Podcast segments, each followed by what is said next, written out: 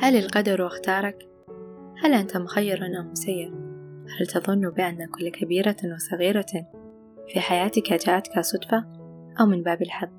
إذا تساءلت ما الفرق بين الصدفة والحظ فهو كذلك الصدفة هي ما يحدث بدون جهد أو قصد منك مثلا كنت في طريقك إلى مكان ما ورأيت شخصا تحبه دون موعد سابق فهذه صدفة غير مقصودة والحظ هو عندما تقوم بشيء تريد فعله وتشرع بالعمل به ويحالفك التوفيق فيه. مثلا ذاكرت للاختبار وحصلت على الدرجة الكاملة فالحظ والتوفيق مرتبطان ببعضهما. وإن كان هذا الشيء يمكن أن يعزيك ويصرف نظرك عن التفكير في حظوظ الآخرين يقال بأن عجلة الحظ لا يدفعها إلى العمل أي لا حظ لك بدون عمل أو جهد منك.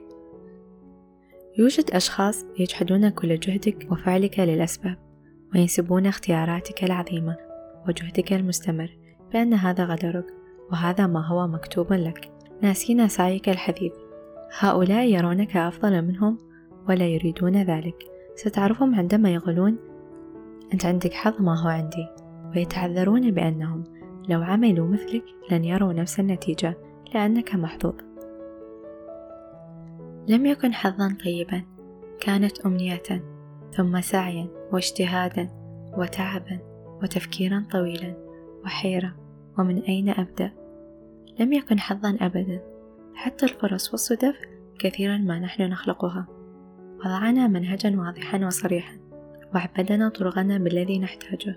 ثم مشينا فيه طويلا. نأخذ استراحات ولكننا لا نتوقف إلى الأبد. ونعلم أيضا بأن كل خطوة نخطوها هي تقدم. نعي ذلك. نقدرها. نمدح أنفسنا بهذه الخطوة التي سوف تؤول بنا إلى طريق الألف ميل. هل القدر أختارك أم أنت من صنعت حياتك؟ حياة الآخرين ليست أمنية صعبة التحقيق إذا أعجبتك. اسعى للحصول على أفضل منها. وأنا هنا أعني التعليم العالي. واكتساب المهارات الجيدة والحياة المهنية الكريمة. فأنت تستطيع مثل ما هم استطاعوا. فلم يخلقهم الله بعقل وتركنا نحن بدونه. كثيرا ما أسمع بأن فلانا ولد بملعقة من ذهب. لذلك لديه تعليم جيد بل ممتاز. وفرص كثيرة مكنته من القفز سريعا في حياته. هذا جيد. ولكن الإمام علي عليه السلام يقول إن الفتى من يقول ها أنا ذا. ليس من يقول كان أبي. ما أعني هو؟ ما ثمن ملعقة الذهب التي بفمه إذا لم تكن من جهده أو ماله ولا كل الملعقة تليق بصاحبها. سهل أن تخسر الملعقة إذا كانت معك منذ ولادتك لأنك ببساطة لا تعلم كيفية الحصول عليها ويستحيل أن تفرط بها إذا حصلت عليها بجهدك. كثيرا ما أشمأز من الذي يتفاخر بشيء لم يحصل عليه بتعب منه. عفوا حقا أشمئز أنا أؤمن بالصدف التي تأتي للإنسان بدون تفكير أو سعي. ولكن لا أحب أن أجعلها شماعة البؤس واليأس. فقط أقول هو اجتهد أو حتما هو يستحق. وأنا لم يأتي أواني بعد. سنصل جميعا إذا أردنا ولكن كل فرد منا سيصل بتوقيت مختلف عن الآخر. وهذا هو تميزنا. لا أعي بعد مفهوم القدر. فهو من اختصاص الخالق. ومهما حاولنا فهمه سنجهل الكثير منه.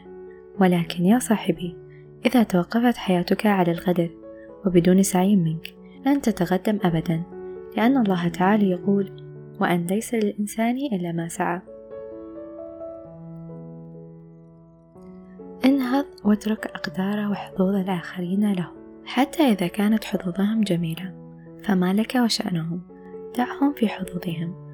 وأن تصنع حظك بنفسك. الذي خلقك لن ينساك.